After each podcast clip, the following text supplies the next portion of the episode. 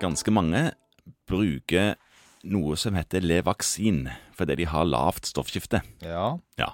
Tyroksin. tyroksin, ja. Ja. ja. Hva er egentlig det? Er det hormonet de mangler, de Ja. som har lavt stoffskifte? Tyroksin er et hormon som produseres i skjoldbrukskjertelen, og som det kan bli mangel på f.eks. ved at man får en autoimmun sykdom. Det er den vanligste formen. Den vanligste formen. Og da tilfører man bare tyroksin. Tyroksin er et hormon, og det hormonet det bidrar til å styre dette stoffskiftet vårt. Og hvis du øker mengden tyroksin, så, så øker du det vi kaller for basal stoffskifte. Hvileenergiomsetningen i kroppen. Hva betyr det? Det, Det der er litt sånn kryptisk. Hva er egentlig det der basalmetabolismen for noe? Det er på en måte tomgangen til kroppen. Ja.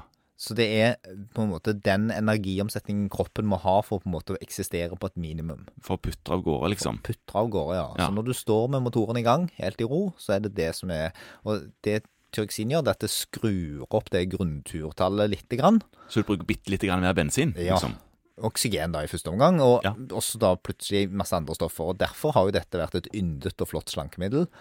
Men problemet er òg at det skjer en del andre ting, og det kan alle som har et høyt stoffskifte skrive under på. Det er nemlig at man får hjertebank og skjelvinger, og etter hvert kan man få fryktelig stygge bivirkninger som, som utstående øyne og det man kaller for myksedem, Og det kan bli ganske ugreit. Ja. Eh, Så det skal ikke tas i for store doser, derfor må man måle hvor mye tyroksin man Er det bare gå og ta en blodprøve, da? Ja, det kan man godt gjøre. Da styrer man egentlig etter et styringshormon som heter tyroidea-stimulerende hormon. TS. TSH. TSH, ja. Ja, skilles ut av hypofysen.